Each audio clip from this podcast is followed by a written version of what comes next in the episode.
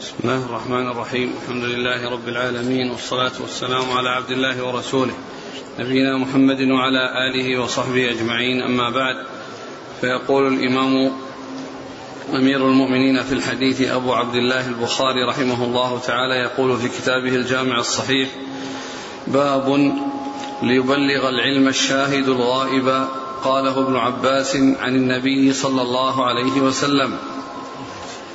قال حدثنا عبد الله بن يوسف قال حدثني الليث قال حدثني سعيد عن أبي شريح رضي الله عنه أنه قال لعمرو بن سعيد وهو يبعث البعوث إلى مكة ائذن لي أيها الأمير ائذن لي أيها الأمير أحدثك قولا قام به النبي صلى الله عليه وسلم الغد من يوم الفتح سمعته أذناي ووعاه قلبي وأبصرته عيناي وأبصرته عيناي حين تكلم به. حمد الله وأثنى عليه. ثم قال إن مكة حرمها الله ولم يحرمها الناس. فلا يحل لامرئ يؤمن بالله واليوم الآخر أن يسفك بها دما. فلا يحل. فلا يحل لامرئ يؤمن بالله واليوم الآخر أن يسفك بها دما.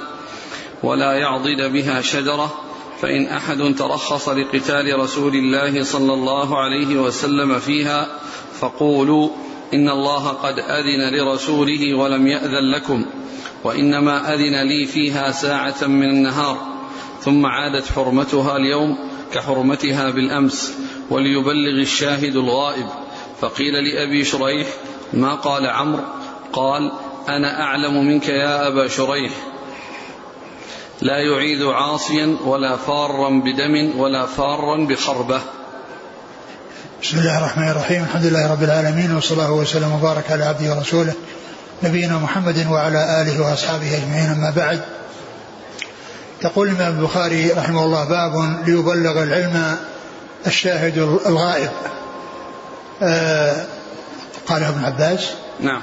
قاله ابن عباس عن النبي صلى الله عليه وسلم. عن النبي صلى الله عليه وسلم. يعني أن يعني هذا اللفظ الذي يبلغ الشاهد الغائب جاء عن عن عن ابن عباس وعن غيره وكذلك عن أبي بكره وعن أبي شرح الخزاعي. كل هؤلاء يروون ذلك عن رسول الله صلى الله عليه وسلم. وليس فيه لفظ العلم ليبلغ العلم وإنما فيه ليبلغ الشاهد لأنه قال ذلك بعد أن سمع الناس منه خطبة مشتملة على العلم ومشتملة على شيء من العلم. وهو المتعلق بتحريم مكة وأنه لا يعني يعني لا لا يصيد صيدها ولا يسفك فيها دم ولا يقطع شجرها.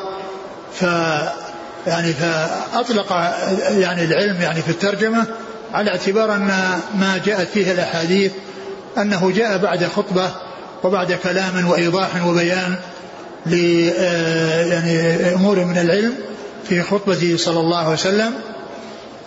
وهي أن يبلغ الشاهد الغائب.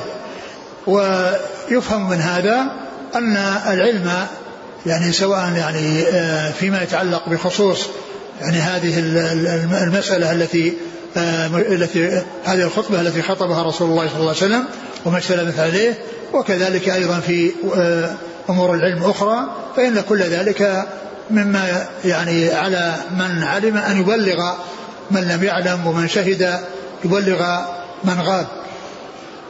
وعلى هذا فإن قول قال ابن قاله ابن عباس ليس فيه ما يتعلق بكلمة العلم وأنها موجودة في الحديث وإنما جاءت بعد بيان من رسول الله صلى الله عليه وسلم في في خطبته يعني في حجة الوداع وكذلك في الغد من يوم الفتح. كل ذلك فيه تحريم يعني تحريم مكة وأنها حرام. وأن الله حرمها ولم يحرمها الناس وأنه لا يسفك فيها دم ولا يصاد فيها صيد ولا يقطع فيها شجر.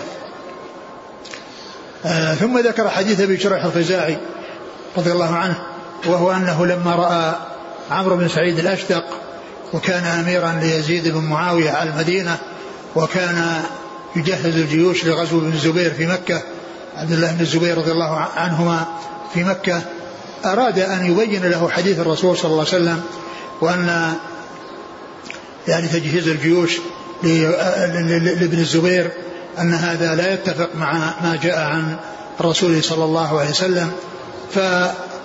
لما كان يجهز الجيوش قال له وخاطبه وحدثه بالحديث عن رسول الله صلى الله عليه وسلم. فجاء إليه وقال أذن لي أيها الأمير أذن لي أيها الأمير. وهذا أدب. وهذا فيه الأدب من جهتين.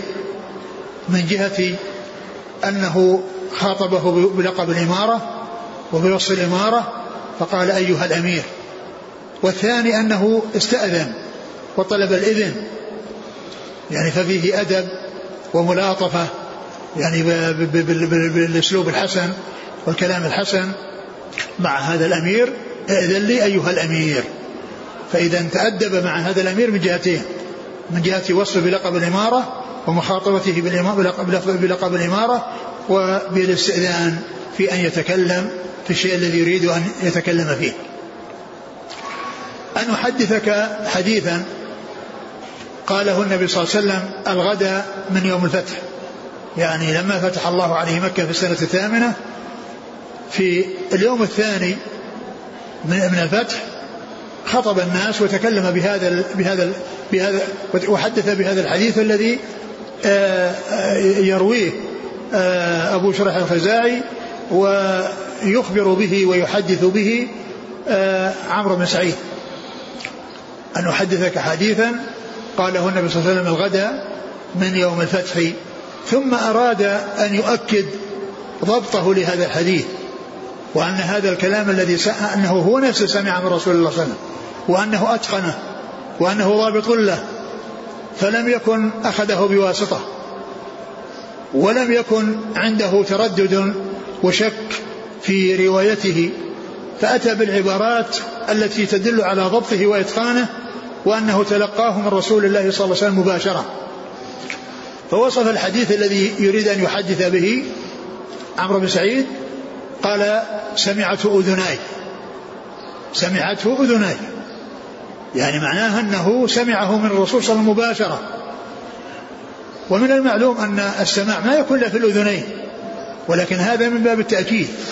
مثل وما من طائر يطير بجناحيه طائر يطير بجناحيه والطائر لا يطير إلا بالجناحين فكذلك هنا سمعته أذناي. ثم ووعاه قلبي. يعني معناه أني ضبطته وأنني حفظته وأن قلبي صار وعاء له لضبط إياه وإتقانه إياه وأبصرته عيناي وهو يتكلم به. يعني لما كان الرسول يخطب وأنا أنظر إليه. فكل هذه مؤكدات للضبط والإتقان من ناحية السماع للصوت والرؤية رؤيته لطلعة رسول الله صلى الله عليه وسلم وهو يحدث به وأيضا كونه وعاه قلبه وأتقنه وضبطه.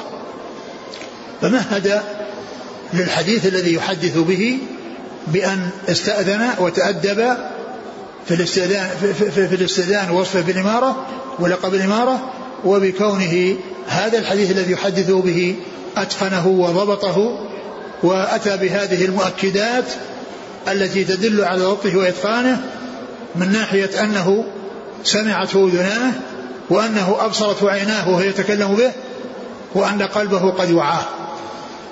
ثم إنه حدث بالحديث.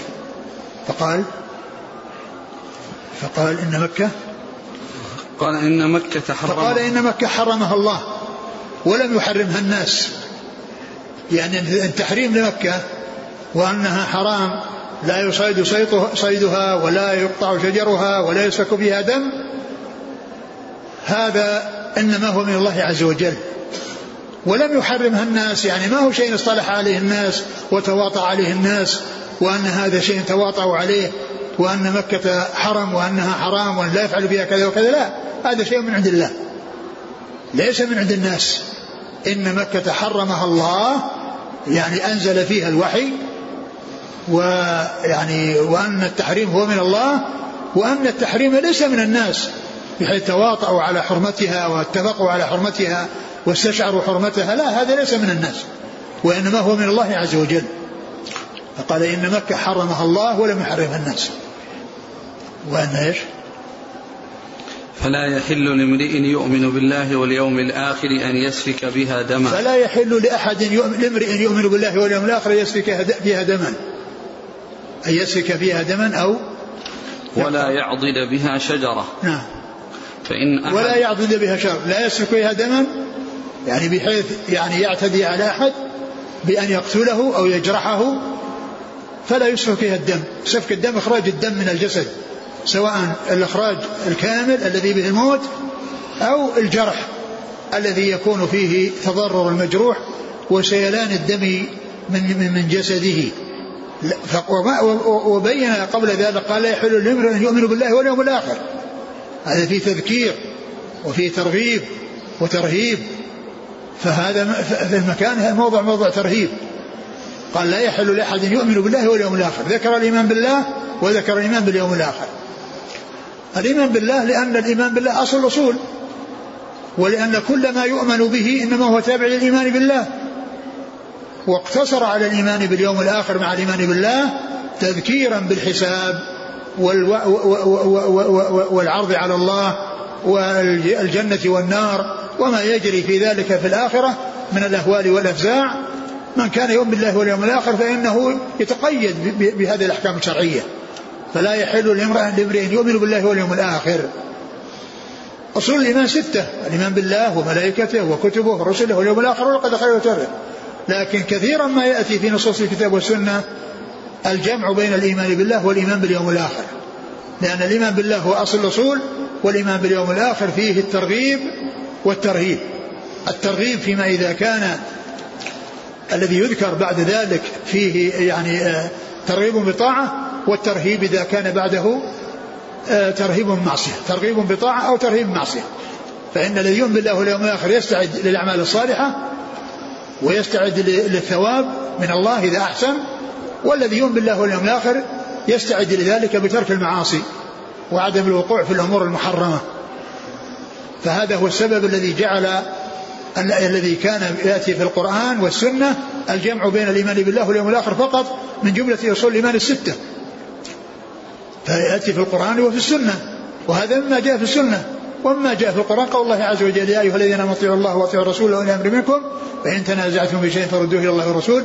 إن كنتم تؤمنون بالله واليوم الآخر. إن كنتم تؤمنون بالله واليوم الآخر. هذا في باب الترغيب.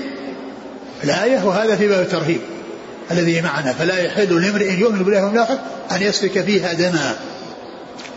ولا يعضد شجرة. العض هو القطع. العض هو القطع. يعني لا يقطع الشجر. لا يقطع الشجر. والمقصود بالشجر الشجر الذي يغرسه الناس الذي ينبته الله عز وجل. أما الأشياء التي يغرسها الناس أو الزرع الذي يزرعه الناس فيحصدون ما زرعوا وكذلك يقطعون الشجر الذي الذي يعني هم غرسوه. هم غرسوه لمصلحة فأرادوا إزالته لمصلحة. أما الشيء الذي أنبته الله عز وجل والشجر الذي الله تعالى هو الذي أنبته فلا أحد يتعرض له. وليس لأحد يتعرض له.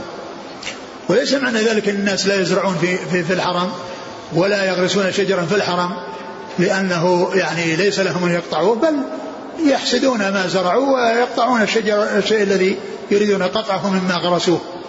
مما غرسوه وإنما الشيء الذي الله عز وجل هو الذي ينبته.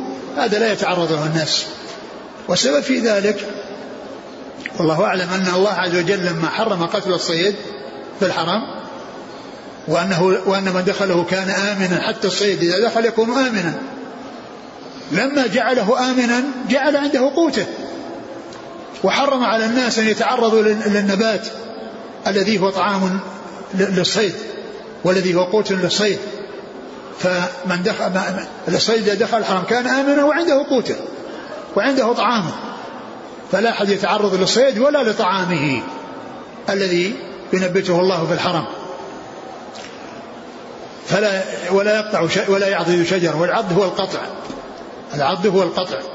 ويقول ابن كثير رحمه الله في في البداية والنهاية لما ذكر العبيديين وما حصل منهم من الشرور قال وكان آخرهم العاضد وبه قطعت دولتهم. العاضد فصارت به نهاية دولتهم. والعض هو القطع. فقطعت دولتهم وانتهت بهذا الرجل الذي لقب بالعاضد. آه ولا يعضل شجرا. يعني عرفنا أن الشجر هو الذي الله عز وجل نبته سواء كان نباتا عشبا أو كان شجرا يعني له ساق. يعني سواء مما هو يعني له ساق وما ليس له ساق.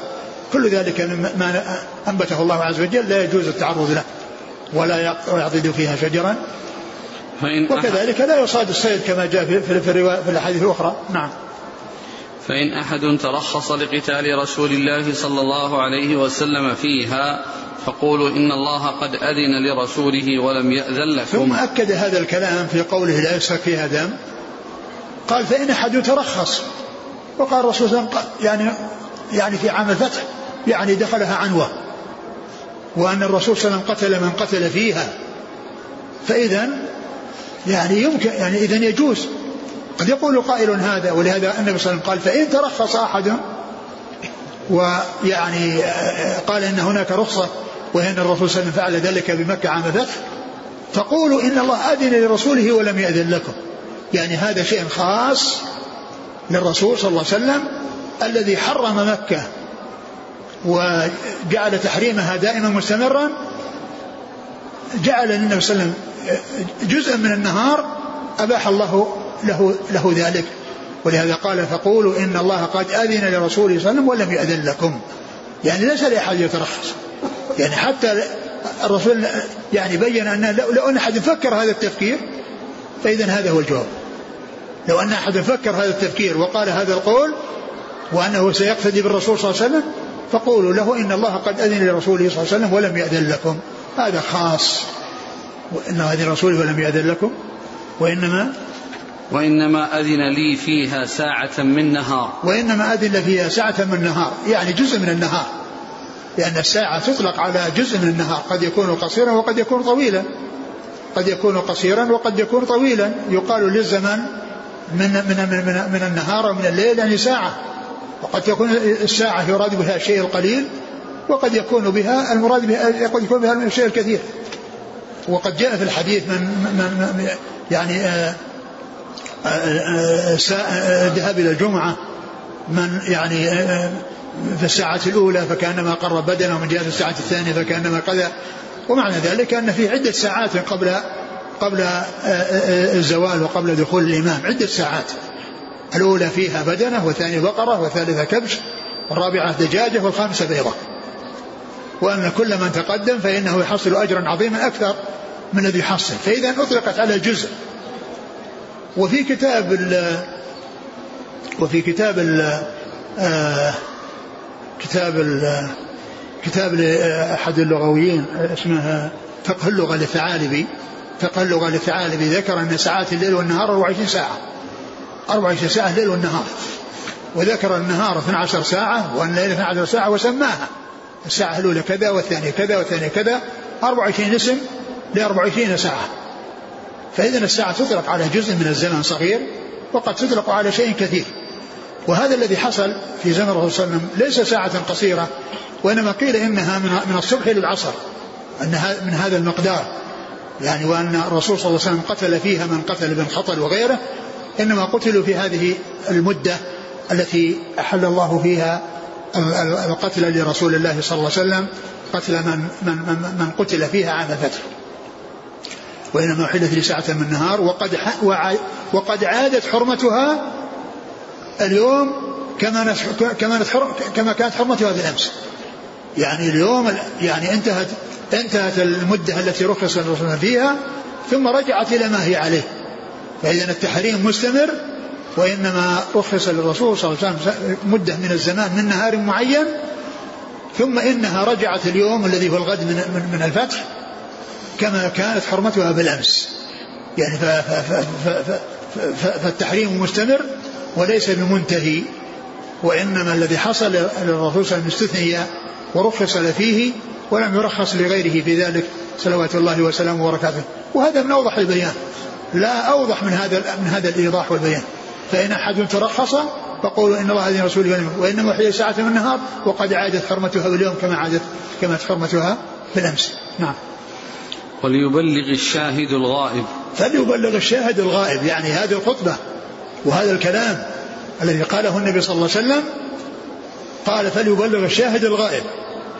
ومعنى ذلك أن أبا, أبا شريح كان حاضرا وكان عمرو بن سعيد غائبا وقد بلغه وأخبره بالشيء الذي سمعه من رسول الله صلى الله عليه وسلم ونفذ ما أرشد إليه الرسول عليه السلام وأمر به رسول الله صلى الله عليه وسلم من تبليغ الشاهد للغائب والمقصود بالغائب هو من كان حاضرا وشهد ومن كان في زمانه أو كان في موجودا في نفس مكة ولم يكن قد حضر ولم يسمع أو يكون في بلد آخر أو يكون يعني كل واحد يبلغ من وراءه.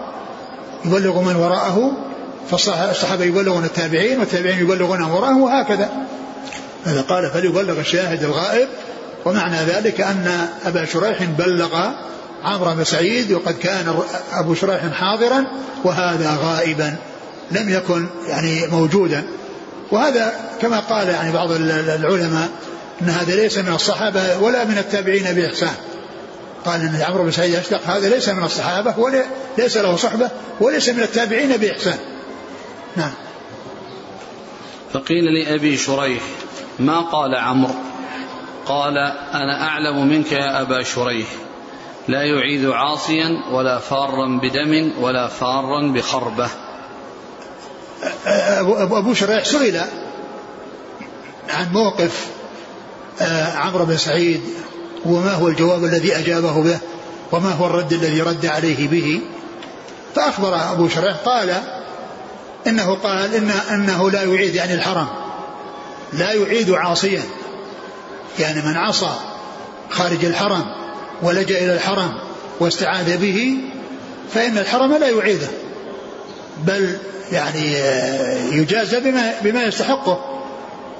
ولا وكذلك وقال ولا ولا يعيد عاصيا ولا فارا بدم. ولا فارا بدم. إنسانا قتل الإنسان وهرب ودخل في الحرم حتى يسلم من القتل. فإنه يقام عليه الحد. إذا قتل فإنه يقتل. ولكن في القصاص حياة. ولا فارا بخربة. والمقصود بالخربة السرقة. يعني أن من هرب عن القصاص أو سرق وهرب إلى الحرم فإنه لا يعيده الحرم. وهذا الكلام يعني هو مما يقال فيه كلمة حق أريد بها باطل. كلام حق ولكن أريد به باطل. الكلام الحق نعم من كان فعل شيئا خارج الحرم ودخل الحرم فإنه يعاقب. ما ما يترك في.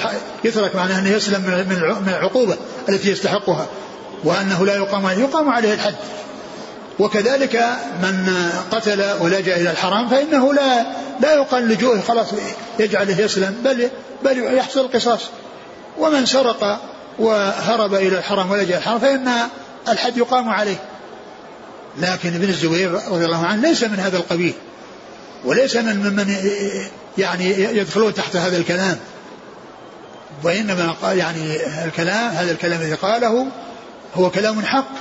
يصلح في حق من يصلح له. من العصاة المجرمين الذين يهربون إلى الحرم وكذلك السراق يسرقون ويلجون الحرم أو القتلة الذين يقتلون أنفسهم ويلجون الحرم. نعم الحرم لا يعيدهم كلام حق. لكن يريد به باطل وهو أن يعنى به ابن الزبير عبد الله بن الزبير رضي الله تعالى عنهما. اقرأ الحديث. عن أبي شريح رضي الله عنه أنه قال لعمرو بن سعيد وهو يبعث البعوث إلى مكة ائذن لي أيها الأمير أحدثك قولا قام به النبي صلى الله عليه وسلم الغد من يوم الفتح سمعته أذناي وعاه قلبي يعني أنه عرف الزمان يعني ذكر الزمان وهو اليوم الثاني من يوم الفتح.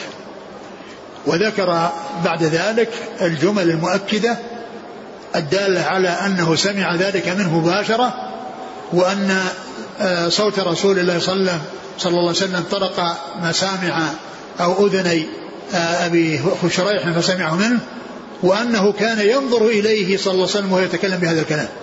عيناه تنظر إليه. مثل الإنسان الذي يكون جالس عند الخطيب والخطيب يخطب وينظر إليه. فهو يراه ويبصره ويسمع كلامه فيقول إن هذا حصل مني مع رسول الله صلى الله عليه وسلم. سمعته اذناي فليس بيني وبينه واسطة.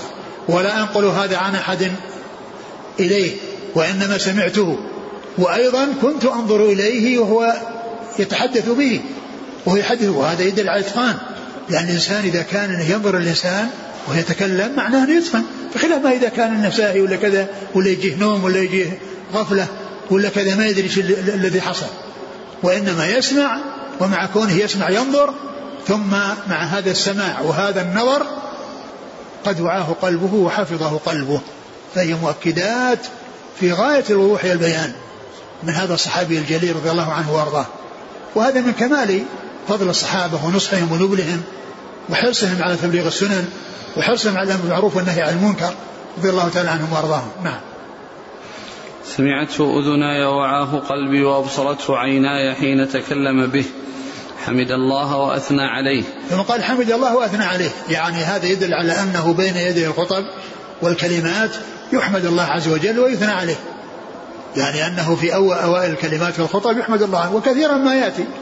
في النصوص فيما عليه وسلم تكلم قال حمد الله وأثنى عليه. حمد الله وأثنى عليه. نعم. ثم قال إن مكة حرمها الله ولم يحرمها الناس. نعم. فلا يحل لامرئ يؤمن بالله واليوم الآخر أن يسفك بها دما ولا يعضد بها شجرة. فإن أحد ترخص لقتال رسول الله صلى الله عليه وسلم فيها فقولوا إن الله قد أذن لرسوله ولم يأذن لكم. وإنما أذن لي فيها ساعة من نهار ثم عادت حرمتها اليوم كحرمتها بالأمس. وليبلغ الشاهد الغائب. فقيل لأبي شريح ما قال عمرو؟ وهذا هو محل الشاهد للترجمة. باب ليبلغ العلم الشاهد الغائب. يعني محل الشاهد مراد الحديث هو هذه الجملة. يبلغ الشاهد الغائب. وهذا علم. يبلغه من حضر من لم يحضر. يبلغه الحاضر الغائب. ليبلغ الشاهد الغائب. نعم. فقيل لأبي شريح ما قال عمرو؟ قال أنا أعلم منك يا أبا شريح لا يعيد عاصيا ولا فارا بدم ولا فارا بخربة. نعم وهذه حيدة حيدة من يعني مما من من الشيء الذي يعني خطب به وأنه خطب بشيء لا يجوز وأن هذا صاحب رسول الله صلى الله عليه وسلم يعني لا يصلح أن يعامل هذه المعاملة وأن يفعل به هذا الفعل. فأتى بجواب هو في ظاهره حق وهو لأنه الحرام لا يعيد من من عصى ولجأ إليه بل يقام عليه الحد وكذلك القاتل يقتل ولو لجأ إلى الحرم إذا كان عليه قصاص وكذلك السارق يقام عليه الحد وتقطع يده يعني إذا إذا ثبتت عليه السرقة فهو كلام حق أريد به باطل. نعم. قال حدثنا عبد الله بن يوسف نعم. عن الليث نعم. عن سعيد سعيد عن؟ عن أبي شريح. سعيد هو بن أبي سعيد. سعيد نعم سعيد بن ابي سعيد المقبري. نعم. نعم. قال حدثنا عبد الله بن عبد الوهاب. قال حدثنا حماد عن أيوب عن محمد عن ابن أبي بكرة عن أبي بكرة رضي الله عنه. أنه ذكر النبي صلى الله عليه وسلم ذكر أنه ذكر النبي صلى الله عليه وسلم ما فيها إلا ضبط واحد اليونينية ما فيها إلا ضبط واحد ويش ذكر؟ ها؟ ذكر؟ نعم فيها ذكر؟ ولم يذكر ضبطا آخر لا شوف الشرح إيش قال فيه وذكر فيه الشرح إنه ذكر النبي صلى الله عليه وسلم وكذا وحدث عنه وذكر فيه اختصار قد قدمنا توجيهه هناك وكأنه حديث حدث بحديث ذكر فيه النبي صلى الله عليه وسلم شيئا من كلامه. أين ومن يعني جملته؟ يعني أنه يرجع لأبو بكر.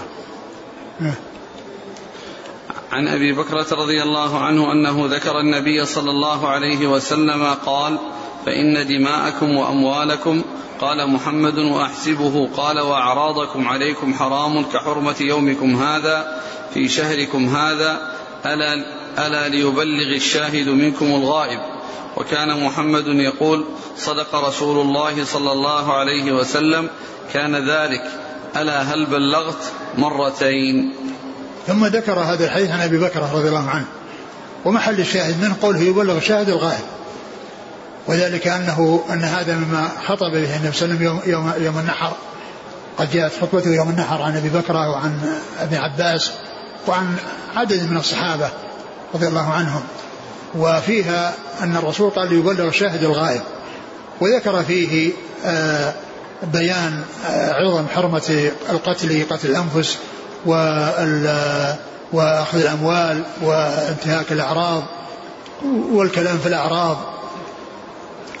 وبعد ذلك قال يبلغ الشاهد الغائب. وكان عليه الصلاة والسلام أولا سأل عن اليوم والشهر وكذا والمكان ليبين ليبين بعد أن يكون الناس قد عرفوا أن هذه في غاية التعظيم أن دماء المسلمين وأموالهم وأعراضهم أنها حرام كما أن هذه حرام. كما أنكم تعرفون حرمة الشهر واليوم والبلد وأنها شيء حرمه الله فإن الله حرم هذا. حرم القتل قتل الأنفس وأخذ الأموال والوقوع في الأعراض. قال إن دماءكم وأموالكم قال محمد وأحسبه قال محمد وأحسبه. قال وأعراضكم. أحسبه قال يعني إن شك. لكنه جاء يعني في بعض الطرق من غير شك. شوف الشرح إيش قال فيه؟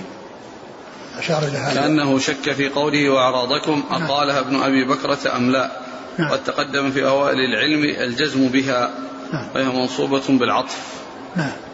يعني معناه أن أنه ذكر أن, أن هذا الذي فيه شك أنه جزم به. وهو مطابق للأحاديث الأخرى التي فيها ذكر الأمور الثلاثة وهي تحريم الأنفس والأموال والأعراف. نعم. هذا الحديث نقول أنه ذكر. فإن دم أنه ذكر النبي صلى الله عليه وسلم قال فإن دماءكم وأموالكم. يعني معناه أنه ذكر النبي صلى الله عليه وسلم وأخبر عنه أو حدث عنه بأشياء ثم إنه من جملة ما حدث به هذا الذي أتى به هنا للشاهد وهو أن دماءكم وأموالكم وأعراضكم حرام وأنه ليبلغ الشاهد الغائب وكل الكلام سيقى من أجل ليبلغ الشاهد الغائب الذي هو موضوع الترجمة. نعم وذكر وقال وقال دماءكم. قال فإن دماءكم وأموالكم قال محمد وأحسبه قال وأعراضكم. يعني يحسبه يحسب شيخه الذي حدثه وهو ابن أبي بكر عبد الرحمن ابن أبي بكر أنه قال وأعراضكم ولكنه يعني حصل الجزم بها في موضع آخر من غير هذا الطريق. نعم. قال وأعراضكم عليكم حرام كحرمة يومكم هذا في شهركم هذا. نعم. هذا فيه بيان يعني المقارنة ومقابلة التحريم بالتحريم لبيان يعني الحرمة وشدتها وأنها يعني عظيمة كما أن هذه الحرمة فيما يتعلق بالشهر واليوم والبلد أنها عظيمة فكذلك الدماء والأموال والأنفس في كل مكان فإنها عظيمة. نعم ولا تقتل نفس بغير حق ولا يؤخذ مال بغير حق وكذلك لا تتكلم في الأعراض بغير حق. نعم. ألا ليبلغ الشاهد منكم الغائب؟ نعم. وكان محمد يقول صدق رسول الله صلى الله عليه وسلم كان ذلك ألا هل بلغت مرتين؟ يعني هذه جملة معترضة. اللي هو الكلام اللي يقول محمد يعني صدق الرسول صلى الله عليه وسلم كان ذلك. ثم عاد إلى كلام الرسول صلى الله عليه وسلم في قوله ألا هل بلغت؟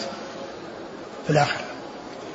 بعد بعد كلام آه، آه، محمد بن سيرين المعترض. إيش قال؟ كان كان ذلك وكان محمد يقول صدق رسول الله صلى الله عليه وسلم. كان, كان ذلك. نعم. ألا هل بلغت؟ هذا كلام الرسول صلى الله عليه وسلم. لا هل بلغت؟ يرجع إلى كلام الرسول صلى الله عليه وسلم. يعني لأن الرسول قال يبلغ الشاهد الغائب. ألا هل بلغت؟ ألا هل بلغت؟ هذا من كلام الرسول ليس من كلام آه، محمد. محمد انتهى عند قوله قد كان ذلك. نعم. قال حدثنا عبد الله بن عبد الوهاب نعم. عن حماد حماد هو بن زيد. نعم. عن أيوب أيوب بن أبي تيمية السختياني. عن محمد هو بن سيرين. عن ابن أبي بكرة وعبد الرحمن بن أبي بكرة. عن أبي بكرة. أبي بكرة نفيع بن الحارث رضي الله عنه. وهذا الإسناد يعني في أول عبد الله بن أبي وهاب. نعم. كوفيون. بصريون. بصريون نعم. نعم محمد بن سيرين بصري نعم. قال رحمه الله تعالى باب إثم من كذب على النبي صلى الله عليه وسلم.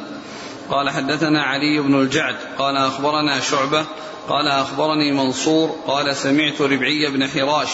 يقول سمعت عليا رضي الله عنه يقول قال النبي صلى الله عليه وسلم لا تكذبوا علي فإنه من كذب علي فليلج النار. ثم بعد ذلك أتى بهذه الترجمة باب إثم من كذب على الرسول صلى الله عليه وسلم. يعني بيان خطورة الكذب على الرسول صلى الله عليه وسلم وبيان العقوبة على ذلك. وهو ذكر الإثم ولكن الذي جاء في الأحاديث ذكر النار والوقوع في النار. ولا شك أن هذا هو يعني ثمرة الإثم ونتيجة الإثم الذي هو الكذب لأن الكاذب على الرسول صلى الله عليه وسلم يعني يحصل منه الإثم العظيم الذي نهايته وعقوبته النار. قال ثم أورد عدة أحاديث عن جماعة من الصحابة في الموضوع فيما يتعلق بالكذب على الرسول صلى الله عليه وسلم. فقال عليه الصلاة والسلام ما قال قال لا تكذبوا علي. لا تكذبوا علي. فهذا تحريم ونهي من رسول الله صلى الله عليه وسلم عن الكذب عليه. والكذب حرام. والرسول نهي عن الكذب وبين خطورة الكذب وأن شأن عظيم. لكن الكذب على الرسول صلى الله عليه وسلم أعظم. لأن الكذب على النبي صلى الله عليه وسلم معناه أن يضاف إليه من الشرع شيء ما قاله. وأن يضاف إلى الشريعة ما ليس منها. وذلك بالكذب عليه صلى الله عليه وسلم. الكذب على الناس دونه. لأنها أضاف إليه شيء يعني ما يترتب عليه حكم. لكن هذه يترتب عليه حكم عام. وهي أن الناس يأخذون بهذا الكلام. ويعتبرونه سنة عن رسول الله صلى الله عليه وسلم وأن النبي صلى الله عليه وسلم قاله وهو لم يقله. قال لا تكذبوا علي وقوله لا تكذبوا علي يعني ليس له مفهوم. يعني من ناحية مثل ما يقوله بعض يعني ال بعض أهل البدع وبعض الزهاد الذين يقولون الرسول عليه الصلاة والسلام قال لا تكذبوا علي. وهم يعني يعني يصيرون إلى الكذب له. يقول نحن نكذب له في الترغيب والترهيب. يأتون بأحاديث ما قال الرسول من أجل يرغب الناس ويرهبونهم فيقول نحن كذبنا له لا, كذب لا نكذب عليه. نحن نكذب للرسول صلى الله عليه وسلم ولا نكذب عليه. والوعيد إنما هو لمن يكذب على الرسول صلى الله عليه وسلم. وهذا كلام باطل. لأن الكذب عليه سواء يعني فيما يتعلق بالترغيب والترهيب أو يتعلق بالأحكام هو يعني ذكر شيء من السنن ليس لها أساس في الدين وذكر أحكام شرعية لا وجود لها في الدين وشريعة الله كاملة لا تحتاج إلى إلى إلى إلى, إلى إضافة شيء منها سواء في باب الترغيب والترهيب أو غيره. يعني ما ورد من النصوص فيما يتعلق بالترغيب والترهيب في أمور معينة يكفي دون أن يضاف إلى ذلك أشياء موضوعة تضم إليها. فما جاء من نصوص في ترغيب وترهيب ثابت عن رسول الله صلى الله عليه وسلم كافي. ما يحتاج إلى أنه يكذب شيء ويضاف إلى النبي صلى الله عليه وسلم ويقول نحن نكذب له ولا نكذب عليه. هذا سفه لأن هذا تقويل له ما لم يقله. وإضافة إلى الدين شيء ليس منه. وكل ذلك حرام. ولهذا كان فرق بين الكذب على الرسول صلى الله عليه وسلم والكذب على غيره. الكذب على على, على غيره يعني شيء يخص يخص ذلك الغير ولا يترتب عليه دين ولا يترتب عليه أحكام شرعية وتشريع للناس.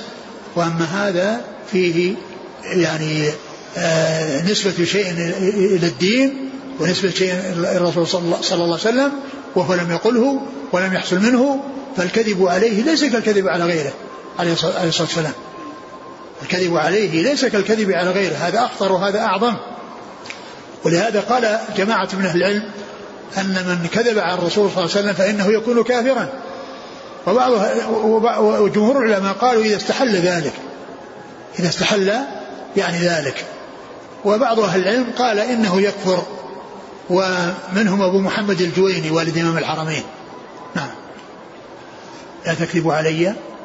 فإنه من يكذب علي فليلج النار. يعني معناه أنه يدخل النار ويتبوأ بها مكانا ويكون له فيها مكانا في جزاء على لإثمه ول يعني المنكر الذي جاء به وهو الكذب على الرسول عليه الصلاة والسلام. معناه أنه يستحق النار ويكون من أهل النار. نعم. قال حدثنا علي بن الجعد نعم. عن شعبة نعم. عن منصور منصور بن معتمر. عن ربعي بن حراش. نعم. عن علي. علي بن أبي طالب رضي الله عنه أمير المؤمنين ورابع الخلفاء الراشدين المهديين المهديين الهادي المهديين رضي الله عنه وأرضاه. نعم. قال حدثنا أبو الوليد قال حدثنا شعبة عن جامع بن شداد عن عامر بن عبد الله بن الزبير عن أبيه أنه قال قلت للزبير رضي الله عنه إني لا أسمعك تحدث عن رسول الله صلى الله عليه وسلم كما يحدث فلان وفلان. قال أما إني لم أفارقه ولكن سمعته يقول من كذب علي فليتبوأ مقعده من النار. ثم ذكر حديث عبد الله بن الزبير عن أبيه الزبير بن العوام رضي الله عنهما وهو أن أنه كان قال لأبيه يعني لا أراك تحدث عن رسول الله صلى الله عليه وسلم مثل ما يحدث فلان وفلان. وذكر وقيل أن من, من, الذين كني عنهم ابن مسعود وأنه ذكر ابن مسعود يعني في أحد الذين يعني عناهم بفلان وفلان. وأن ابن مسعود كان يحدث عن النبي صلى الله عليه وسلم وأنت لا أراك تحدث كما يحدث فلان وفلان. قال أما إني لم أفارقه صلى الله عليه وسلم لم أفارق النبي لأنه كان ملازما له. وهذا إنما هو في الغالب. يعني في غالب أوقاته كان ملازم. ولكنه يعني يعني حصل منه يعني ذهابه عنه في بعض الأحيان مثل هجرته إلى الحبشة فإنه من هاجر الحبشة وبذلك فارق النبي صلى الله عليه وسلم ولم يكن في تلك الفترة ملازما له وكذلك في الهجرة لم يكن معه الذي معه أبو بكر رضي الله عنه هو الذي لازمه في مكة وفي المدينة وفي الطريق إلى المدينة. كل هذا حصل لأبي بكر هو الذي ما فارق. وأما آه ابن الزبير رضي الله عنه فإنه لم يكن معه في الطريق ولم وقد هاجر إلى الحبشة فإذا المقصود أني لم أفارقه يعني في الغالب يعني في غالب الأوقات. نعم. لم أفارقه في؟ لم أفارقه ولكن سمعته يقول من كذب علي فليتبوأ مقعده من النار. ولكن سمعته يقول من كذب علي فليتبوأ يعني يخشى أن يخطئ وأن يعني يعني يضيف إلى شيء حصل من خطأ. فلهذا كان يعني لا يحدث أو يكثر الحديث عن رسول الله صلى الله عليه وسلم. وقد جاء عن الصحابة رضي الله عنهم عن بعض الصحابة وكثير من الصحابة أنهم أكثر من حديث الرسول صلى الله عليه وسلم. وهذا محمول على ضبطهم وإتقانهم لما حدثوا به لا أنهم يعني يعني خشوا ما خشي الزبير. يعني لأنهم مطمئنين إلى شيء يحدثون به عن رسول الله صلى الله عليه وسلم. فهو يعني خشي أن يخطئ ولهذا قل حديثه وقلت يعني مروياته وأما غيره من الصحابة كابن مسعود كالفقهاء السبعه المكثرين من حديث الرسول صلى الله عليه وسلم الذين زادت أحاديثهم الكتب الستة على أكثر من ألف حديث فإنهم قالوا ذلك عن اطمئنان ويعني ارتياح لما يبلغونه عن رسول الله صلى الله عليه وسلم.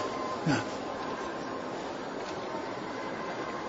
قال حدثنا أبو الوليد هو الطيالسي هشام بن عبد الملك. عن شعبة عن جامع بن شداد نعم. عن عامر بن عبد الله بن الزبير نعم. عن أبيه عن الزبير. نعم هذا الإسناد فيه رواية صحابي عن صحابي ورواية تابعي عن تابعي. لأن ابن الزبير عبد الله يروي عن أبيه وهو من الصحابة وعامر وعامر ابن عبد الله يعني يروي عن أبيه وهو من رواية الابن الأبي عن الجد ومن من قبيل رواية الراوي عن أبيه عن جده لأن عامر يروي عن أبيه عبد الله عن جده الزبير. وفيه رواية تابعي عن تابعي لأن جامع بن شداد تابعي صغير وهو يروي عن عامر ابن عبد الله بن الزبير. فالحديث من رواية تابع صحابي عن صحابي وتابعي عن تابعي وهو أيضا من رواية الأبناء يعني عن الآباء عن الأجداد. يعني رواية ابن حفيد يعني عن أبيه عن جده. قال حدثنا أبو معمر قال حدثنا عبد الوارث عن عبد العزيز. قال قال أنس رضي الله عنه إنه ليمنعني أن أحدثكم حديثا كثيرا أن النبي صلى الله عليه وسلم قال من تعمد علي كذبا فليتبوأ مقعده من النار. وهذا الحديث أيضا عن أنس رضي الله عنه أنه قال ما يمنعني أن أحدثكم حديثا كثيرا إلا أني سمعت النبي صلى الله عليه وسلم قال من؟ من؟ من كذا من تعمد علي نعم. كذبا. من تعمد علي كذبا فليتبوأ مقعده من النار. وهذا يبين أن المقصود بهذا الوعيد لمن تعمد الكذب. ولمن حصل منه الكذب يعني متعمدا. وأما من حصل منه الخطأ وحصل منه الوهم فهذا لا يقال يعني لا لا يقال فيه ذلك. وإنما يقال هذا في حق من تعمد الكذب على الرسول صلى الله عليه وسلم فإنه يستحق يعني هذا الوعيد الشديد. أما من كان مخطئا فالله يقول ربنا, ربنا تؤاخذنا إن نسينا وأخطأنا. آه وقوله إنه لا يمنعني آه أن أحدثهم كثيرا ومعلوم أن حديثه كثير وقد حدث بالكثير. وهذه الكثرة إنما جاءت لكونه طالت مدته وطالت حياته وكان من آخر من توفي من الصحابة. والناس يعني كانوا يأتون إليه ويأخذون ما عنده ويأخذون مما عندهم فكثر حديثه وكثر الآخذون عنه. ف يعني هذا هو سبب حصول كثرته مع قوله أنه لا يحدث حديثا كثيرا. يعني أنه لا يحدث حديثا كبيرا في المجلس الواحد بأن يقول قال كذا وقال كذا وقال كذا وقال كذا وإنما يحصل أنه يأتيه الشخص ويسأله أو يأتيه يعني كذا فيحدث بحديث الرسول صلى الله عليه وسلم. والناس يسألونه وقد طالت حياته وبقي مدة طويلة وكان من آخر من توفي من الصحابة رضي الله عنهم فلهذا كثر حديثه وكان من السبعة الذين زادت أحاديثهم على ألف حديث في الكتب الستة. أعيد قال أنس إنه ليمنعني أن أحدثكم حديثا كثيرا أن النبي صلى الله عليه يعني وسلم يعني كان المقصود منه أنه يعني يجلس يقول قال كذا وقال كذا وقال كذا وقال كذا وقال كذا. يعني وأن هذه الكثرة اللي حصلت له أنه لطول حياته ولكون الناس يأتون إليه ويسألونه ويجيبونه ويأخذ عنهم ويخبرونه بالحديث عن رسول الله صلى الله عليه وسلم فيأخذ ويعطي فكثرت أحاديثه. نعم. قال حدثنا أبو معمر هو المقعد عن عبد الوارث بن سعيد العنبري عن عبد العزيز بن صهيب عن أنس. نعم أنس بن مالك. وهذا كذلك بصريون. بصريون؟ نعم. انتهى الباب. بقي. قال حدثنا مكي بن إبراهيم قال حدثنا يزيد بن أبي عبيد عن سلمة رضي الله عنه أنه قال سمعت النبي صلى الله عليه وسلم يقول من يقل علي ما لم أقل فليتبوأ مقعده من النار. ثم ذكر هذا الحديث عن سلمة بن الاكوع رضي الله عنه أنه قال من قال من يقول علي ما لم أقل فليتبوأ مقعده من النار. يعني هذا يعني يتعلق بالقول ولكنه لا فرق بين القول والفعل. يعني كون أحد يقول أن الرسول فعل كذا يعني آه يعني يعني سواء آه أضاف إليه قولا أو أضاف إليه فعلا. كونه يقول فعل رسول الله كذا أو قال رسول كذا النتيجة واحدة. كله شيء أضيف إلى الرسول صلى الله عليه وسلم وهو كذب عليه إذا كان لم يقله. ولكن ذكر القول لأنه هو الكثير. لأن أكثر السنة أقوال. قال قال رسول الله الأفعال قليلة أو حكاية الأفعال قليلة بالنسبة لحكاية الأقوال. لأن أكثر الأحاديث سمعت رسول الله صلى الله عليه وسلم كذا قال رسول الله صلى الله عليه وسلم كذا عن رسول الله صلى الله عليه وسلم قال كذا هذه أكثر ما يكون في, في, في السنن. وأما فعل رسول الله صلى الله عليه وسلم كذا فهذا يعني قليل بالنسبة للأقوال. قليل بما يسمع من الرسول صلى الله عليه وسلم ويضاف إلى أنه مسموع من رسول الله صلى الله عليه وسلم. فإذا ليس المقصود من ذلك أنه يتعلق بالأقوال دون الأفعال بل هو شامل للأقوال والأفعال. ولكنها ذكرت الأقوال لأنها هي الغالب في الكلام. الغالب فيما يضاف الرسول صلى الله عليه وسلم أنه أقوال تضاف إليه. ولهذا السنة والحديث تعريفه عند المحدثين هو ما أضيف إلى النبي صلى الله عليه وسلم من قول أو فعل أو تقرير أو وصف خلقي أو خلقي يعني هذه هذا هو الحديث.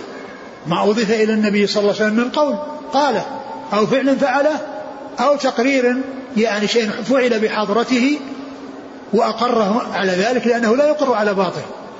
فإنه إذا فعل بحضرته شيء وسكت عليه فقد أقره. فيكون سنة ثابتة عن رسول الله عليه الصلاة والسلام لأنه لا يقر على باطل. لو كان باطلا نهى عنه. وخرج من أن يكون سنة. لكنه حيث فعل بحضرته وسكت عليه فإنه يكون من جملة سنته. ما أضيف إلى النبي صلى الله عليه وسلم من قول أو فعل أو تقرير أو وصف خلقي أو خلقي.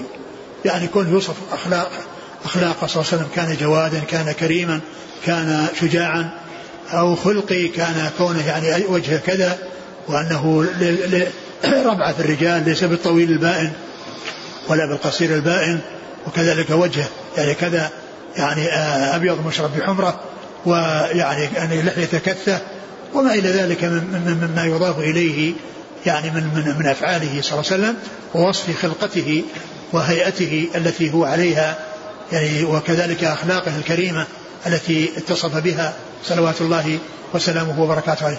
من لم يقل علي ما لم أقل فليتبوأ مقعده من النار.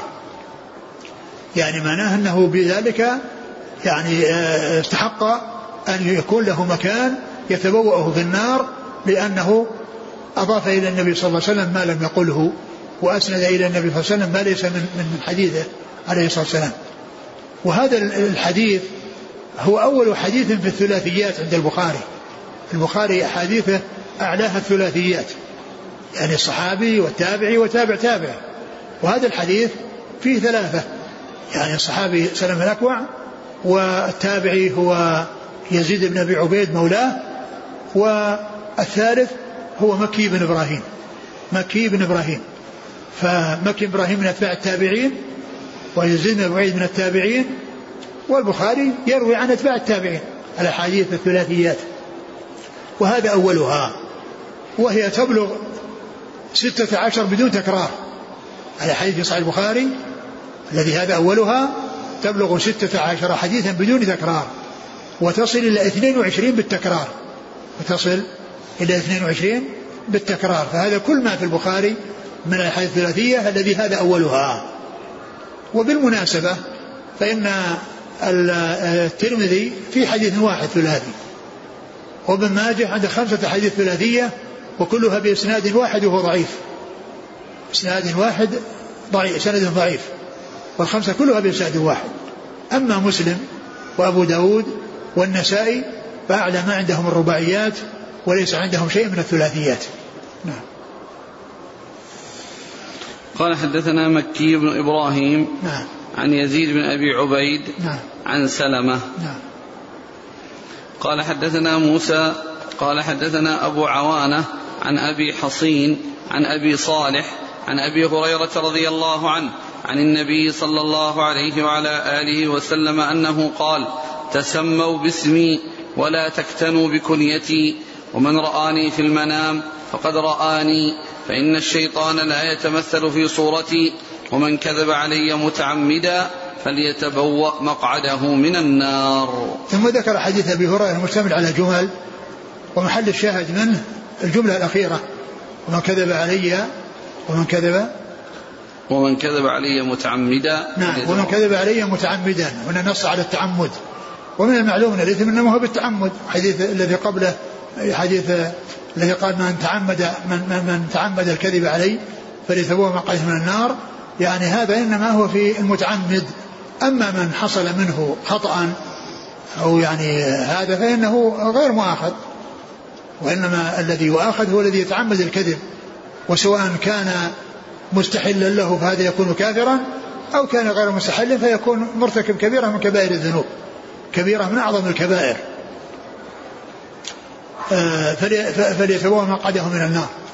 وقد اشتمل على ثلاث جمل الجملة الأولى قد تسموا باسمه ولا تكنوا بكنيته. يعني فيسمون محمد ولا يتكن يعني يتكنون بكنيته أبو القاسم. وهذا سيأتي في في في, في كتاب الأدب يعني ما يتعلق بالحكم الكنية والتكني والتسمية وكلام العلماء فيها كثير. ومنهم من قال إنه يعني يكون يجمع بينهما ومنهم من قال أنه كان هذا في خاصة في زمانه لأنهم يعني ما كانوا يخاطبونه بمحمد وإنما كانوا يخاطبونه بكليته. فيعني فإذا نودي أحد فيلتفت الرسول صلى الله عليه وسلم لأنه هو المعني مع أنه يريد غيره. فيعني في ذلك للعلماء كلام. ولكن محل الشاهد والأخير ثم ذكر أيضا ما يتعلق بالمنام وأن أن الرسول عليه الصلاة والسلام من رآه في المنام ف من رآني في المنام. ومن رآني في المنام فقد رآني. ومن رآني في المنام فقد رآني. يعني معناه إذا رأى من رأى النبي صلى الله عليه وسلم في المنام وهو على هيئته التي هو عليها فقد رآه صلى الله عليه وسلم. أما إذا رآه على غير الهيئة التي عليها فهذا ليس هو رسول الله صلى الله عليه وسلم. من رأى في منامه رجلا ليس على الهيئة التي عليها الرسول صلى الله عليه وسلم والتي يعرفها أصحابه لا يقال هذا رسول الله. وإنما هذا يعني غير الرسول صلى الله عليه وسلم. قوله صلى الله عليه وسلم من رآني في المنام فقد رآني فإن الشيطان لا يتمثل بي. المقصود رآه على هيئته التي هو عليها والتي يعرفها أصحابه. أما لو رأى رجلا ليس على هذه الهيئة لا يقال أنه رسول الله صلى الله عليه وسلم. فلو رأى رجلا قصيرا جدا لا يقال هذا رسول الله. ولو رأى رجلا حليقا ليس له لحية ليس هذا رسول الله صلى الله عليه وسلم.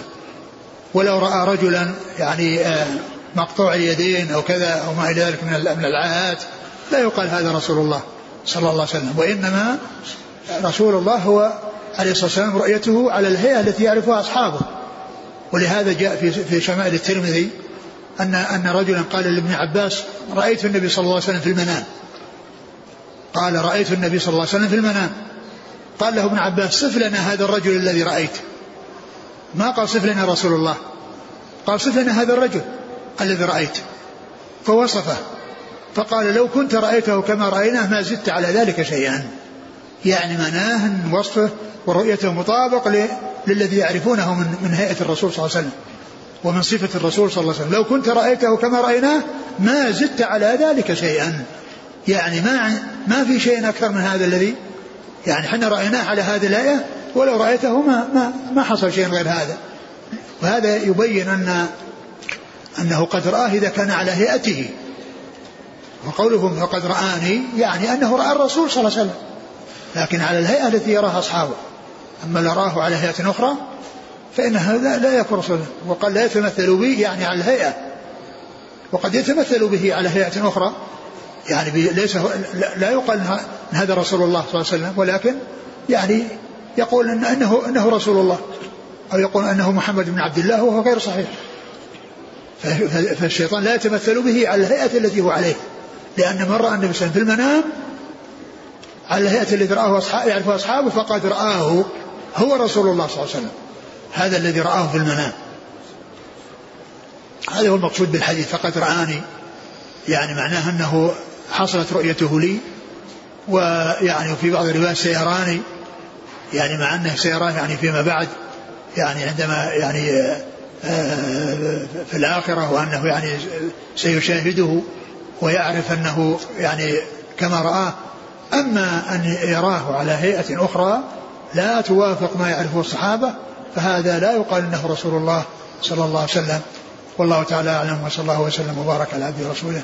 نبينا محمد وعلى آله وأصحابه أجمعين. هذا آخر حديث؟ نعم. الإسناد؟ قال حدثنا موسى. موسى بن إسماعيل التبوذكي. وموسى بن إسماعيل التبوذكي. وكنيته أبو سلمة مشهور بأبي سلمة. ها. عن أبي عوانة. أبي عوانة الوضاح بن عبد الله اليشكري. وأبو حسين. نعم. هو؟ عثمان بن عاصم. نعم. عن أبي صالح. أبو صالح ذكوان السمان. أبو هريرة عبد الرحمن هذا مسلسل بأصحاب الكنى.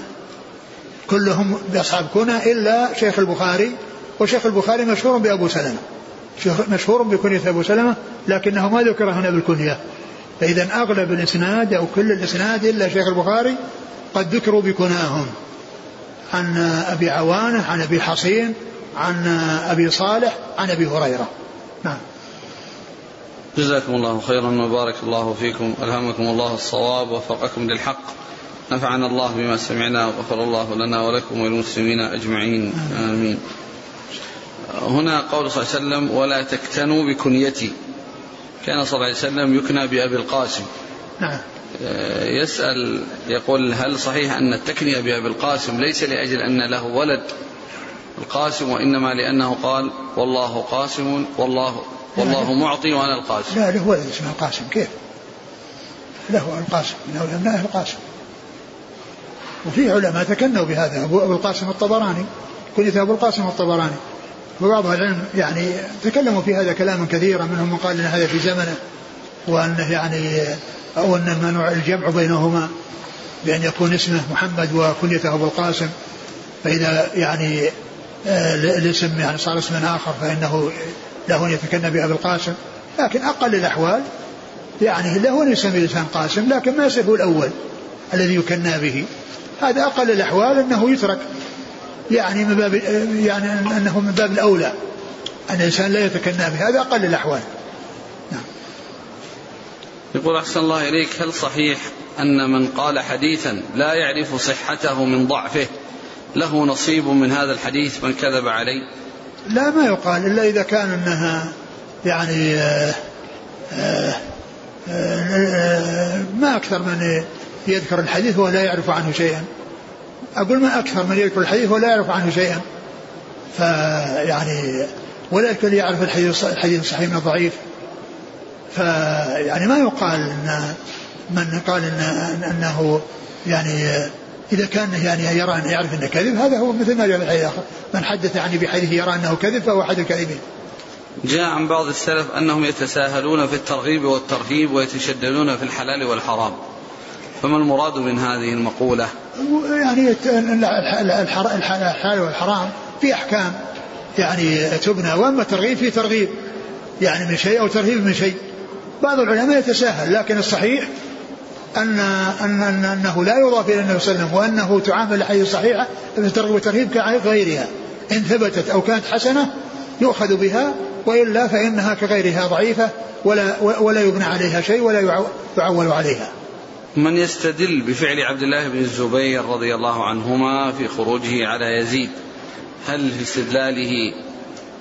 لا ليس ليس لأحد أن يعني يخرج على الحكام يعني يبحث عن منافذ ومخارج. وأشياء يعني يتشبث بها ليس لأحد.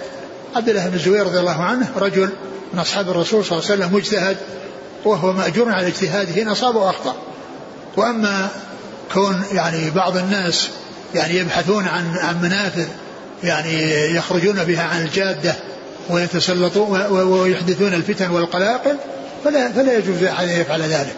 وابن الزبير اجتهد وهو مأجور على اجتهاده إن اصاب وإن أخطأ.